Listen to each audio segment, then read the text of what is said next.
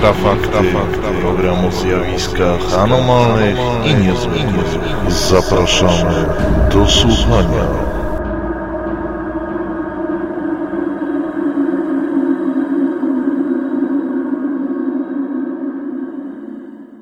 Witam w Instrafaktach, cyklicznym programie poświęconym wydarzeniom niezwykłym i anormalnym. Mówi Michał Kuśnierz, razem ze mną jest Piotr Lebiaś. Witaj Piotrze. Witam. A dzisiaj powiemy o tym, jak to Nikolaj Wałujew, słynny bokser, wyrusza na poszukiwanie Yetiego oraz o tym, że zmarł jeden ze świadków najsłynniejszego bodajże w latach 70. spotkania z UFO. Oraz jeszcze o tajemniczych geoglifach, które pojawiły się na Bliskim Wschodzie.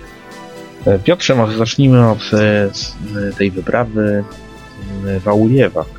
Zapewne każda osoba interesująca się sportem mniej lub bardziej jednak kojarzy tę postać. Nazywany jest monstrum lub bestią przez dziennikarzy. Były mistrz świata wagi superciężkiej. Tym razem już po zakończeniu swojej kariery postanowił wyruszyć na poszukiwanie tak zwanego śnieżnego człowieka Aumysa, Aumasa Yetiego, E, różne są nazwy tej mitycznej, legendarnej postaci. I właśnie ogłosił to, że udaje się na dwudniową ekspedycję e, do e, obwodu kamerowskiego, o którym żeśmy też już wielokrotnie mówili, bo to już bodajże piąta czy szósta wyprawa w ten region. Ale to jest o tyle ciekawe, znaczy, że tak popularna postać nagłaśnia tego typu sprawę, to nas może jedynie cieszyć, ale też to, że ta ekspedycja ma podobno trwać tylko dwa dni. Wydaje się to dziwne, że osoba rzeczywiście tak znana i rozpoznawalna jak Wałujew e, wybiera się w poszukiwaniu mm, śladów śnieżnego człowieka. Co ciekawe, w ostatnim czasie zaczęto o tym mówić dość dużo. Śnieżny człowiek, jeżeli ktoś nie wie, jest to mm, taka na pół mitologiczna istota zamieszkująca mm, no, spore obszary Rosji. E, według uczonych występuje głównie mm, e, w górach Pamir, ale mm, w ciągu ostatniego okresu dużo relacji napłynęło z obwodu kemerowskiego, Shorii. Jak się okazało, e, świadkowie donosili, że śnieżny człowiek pojawia się tam niezwykle często. Potem pojawiły się pierwsze wyprawy, oczywiście nie przyniosły one żadnych skutków. Teraz wybiera się tam Wołujew. E, zobaczymy, jakie będą tego rezultaty. No, krytycy stwierdzili, że Wołujew wybiera się tam w poszukiwaniu swoich kuzynów, bowiem sam tego śnieżnego człowieka ma trochę przypominać, no zobaczymy. Natomiast warto wspomnieć, że mm, w przeciwieństwie do amerykańskich historii, w których Wielka Stopa, czyli kuzyn śnieżnego człowieka, przedstawiany jest często w taki sposób bajkowy, z Rosji chodzą doniesienia o spotkaniach z tą istotą, które są niezwykle ciekawe. Myśmy kiedyś mówili o takiej książce Między Człowiekiem a Zwierzęciem, wydanej przez wydawnictwo KOS. Jej autorem jest rosyjski biolog Walentin Sapunow. Mm, on opisał bardzo dobrze e, nie tylko najsłynniejsze spotkanie z tą istotą, ale również to, co przemawia za jej istnieniem. E, wszystkim zainteresowanym warto mm, polecić tą pozycję. Jej fragmenty znajdują się w dziale kryptozoologia na naszym serwisie. Dodajmy może jeszcze, że chyba jedynymi rezultatami tych wypraw do obwodu kemerowskiego, słynącej z dzikiej przyrody sąsiadującej z Zagłębiem Kuźnieckim, było odkrycie takich jakby szałasów, które miał e, stworzyć sobie człowiek śniegu. No zobaczymy, czy Wałujew coś, coś odkryje. Wydaje mi się, że nie, dlatego że jest to zbyt krótki czas, a ekspedycja, która mogłaby znaleźć to e, dziwne, duże zwierzę, potrzebuje jednak środków. No niestety, jeżeli się czegoś nie szuka, to się nie znajdzie, ale myślę, że kiedyś trafimy na ślad śnieżnego człowieka.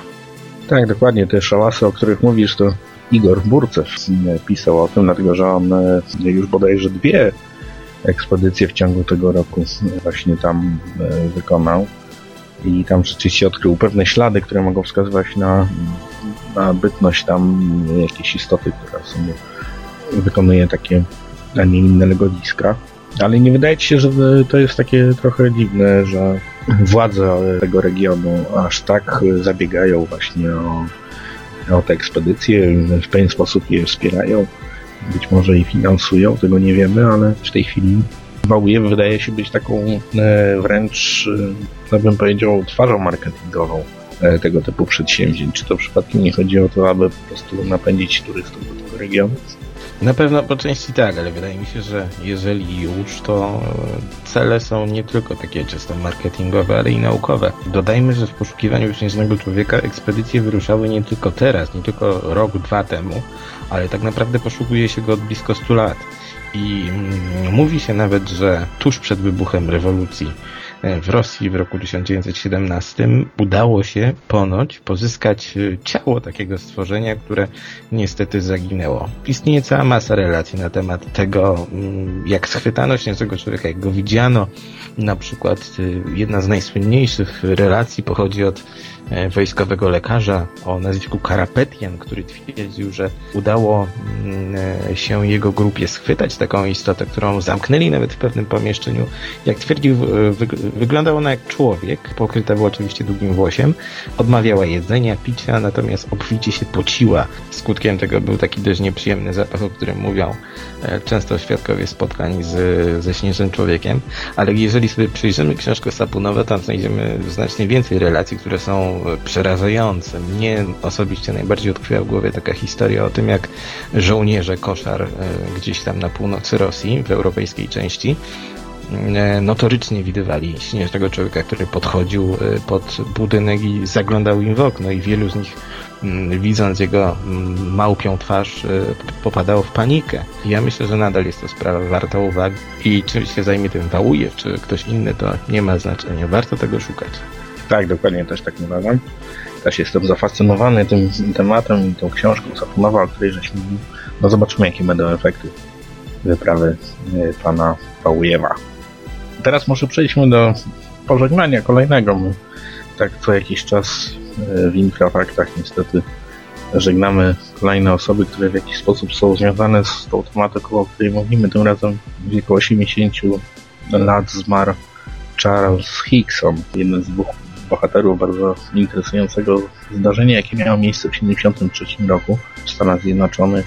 Przypadek jest y, dosyć mało y, znanym, tak mi się wydaje, w Polsce, a warto o nim powiedzieć i na pewno my żeśmy swego czasu pisali o nim, ale pewnie jeszcze y, będziemy o nim wspominać.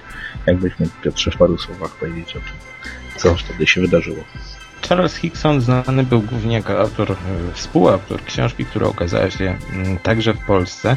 Poświęcona była ona wydarzeniom, które rozegrały się mm, w październiku 1973 roku nad rzeką Pascagoula, gdzie on, wówczas 42-latek oraz 19-letni Calvin Parker, mm, przyjaciel jego syna, łowili ryby i co się okazało? Oni E, jak wspomina w swojej książce Hickson, e, co jakiś czas wybierali się na takie wyprawy, natomiast ta była szczególna, bowiem okazało się, że w pewnym momencie mm, usłyszeli oni dziwny dźwięk, zobaczyli, jak e, do Ziemi zbliża się mm, przedziwny obiekt i nie byłoby może w tej relacji nic dziwnego na tle innych spotkań z UFO, gdyby nie wygląd domniemanych pasażerów tego obiektu UFO, który był no, uderzający, jak mówił E, Hickson, który widział całe zajście, bo Parker ponoć wtedy zemdlał. Te istoty poruszały się nad ziemią, miały długie ręce zakończone tak jakby szczypcami. Mm, z miejsc, gdzie powinny znajdować się uszy i nosy wystawały takie mm, długie wyrostki przypominające, nie wiem jak to określić, macki lub marchewki.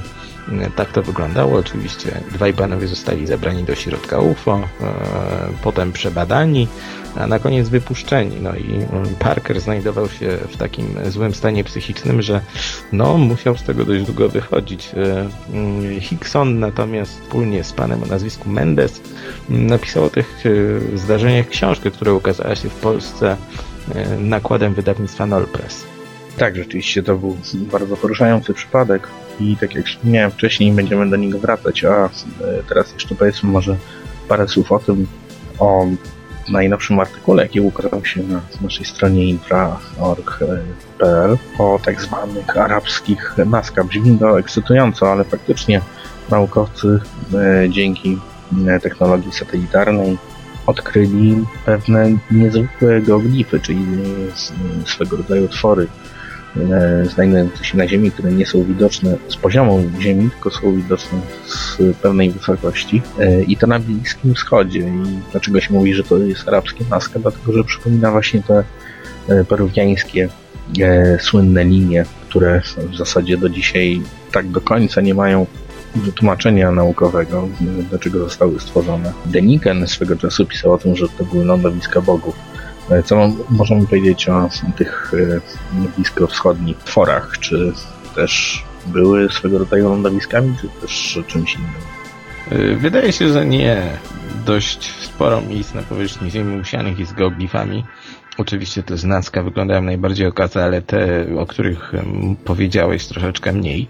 Natomiast uczeni są zgodni, że ich przeznaczenie mogło być w jakiś sposób zbieżne. Y, Linie z Nazca powstały poprzez odsłonięcie mm, ciemniejszych warstw gleby, które ukazały e, jaśniejsze podłoże. W ten sposób tworzono linie, w ten sposób tworzono te słynne kształty, które rzeczywiście Deniken uważał za znaki mm, dla bogów. Mm, Natomiast jeżeli chodzi o te arabskie geoglify, są one troszeczkę uboższe. Jeżeli sobie obejrzymy te e, zdjęcia wykonane z powietrza, to przypominają one takie nieregularne kręgi z takimi jakby szprychami w środku. Natomiast co najciekawsze, najciekawsze jest to, że przez tyle lat nikt się tym e, zjawiskiem nie interesował i nie zajmował. De facto one są niewidoczne z powierzchni Ziemi, ale mimo wszystko ktoś przez te mm, dziesiątki lat prac archeologicznych powinien zgłębić ich tajemnice. Jak się okazało, tak się nie stało. Mam nadzieję, że mm, ta sytuacja zostanie rozwiązana. Pokazuje nam to, jak jeszcze wiele na Ziemi jest do odkrycia tak naprawdę. E, Jeżeli chodzi z kolei o linię Nazca, to jest już e, może troszeczkę stara historia, ale wciąż ona nie traci na aktualności, bowiem e, wiele z cywilizacji, które kwitło w tamtym rejonie, mm, w tej części Ameryki Południowej, one wciąż kryją masę tajemnic. Ich budowle, piramidy, które teraz ob- obróciły się praktycznie w nic, są nadal dla archeologów ogromną zagadką, bo często mm, te cywilizacje nie pozostawiły po sobie nic zupełnie i my, my mm, jesteśmy pozostawieni teraz tutaj z masą zagadek. Wydaje mi się jednak, że te geoglify z Nazca są znacznie bardziej ciekawe, dlatego że e, one powstały w taki sposób, że mm, ich twórcy musieli e, jakby nadzorować ich powstanie z powietrza. To był główny argument, dlaczego mm, były one mm, lub mogły być poświęcone kosmitom. Natomiast w przypadku tych e, kręgów z Arabii, no są one dość ubogie w porównaniu z tym, co widzimy na płaskowyżu. Tak, ale to jest też e, interesujące, że jak się okazuje, tych em, kręgów e, arabskich, e, bliskowschodnich jest rzekomo tysiące. Tylko, że wiele jest zadeptanych, e, wiele jest zniszczonych e, w zasadzie przez czas i w tej chwili nikt e, nie jest w stanie ustalić e, daty ich powstania. Być może ta wiadomość właśnie o tym, e, że zostało to jakoś nagłośnione, sprawi, że e, archeolodzy zabiorą się do roboty i coś tam e, jednak uda im się ustalić. Jeszcze na koniec bym chciał powiedzieć e, o tym, o czym żeśmy wspominali w zeszłym tygodniu, w zeszłym e, wydaniu Infrafaktów, czyli o tym, że wznawiamy nasze audycje tematyczne. Właśnie równocześnie z Infrafaktami też e, będzie prezentowana audycja o Górze Osona pod Częstochową z udziałem Grzegorza Tarczyńskiego. Także zachęcam do słuchania nie tylko tego wydania Infrafaktów, ale również tej audycji. Dziękuję Ci Piotrze za udział I ja również dziękuję. i do usłyszenia w kolejnym wydaniu Infrafaktów.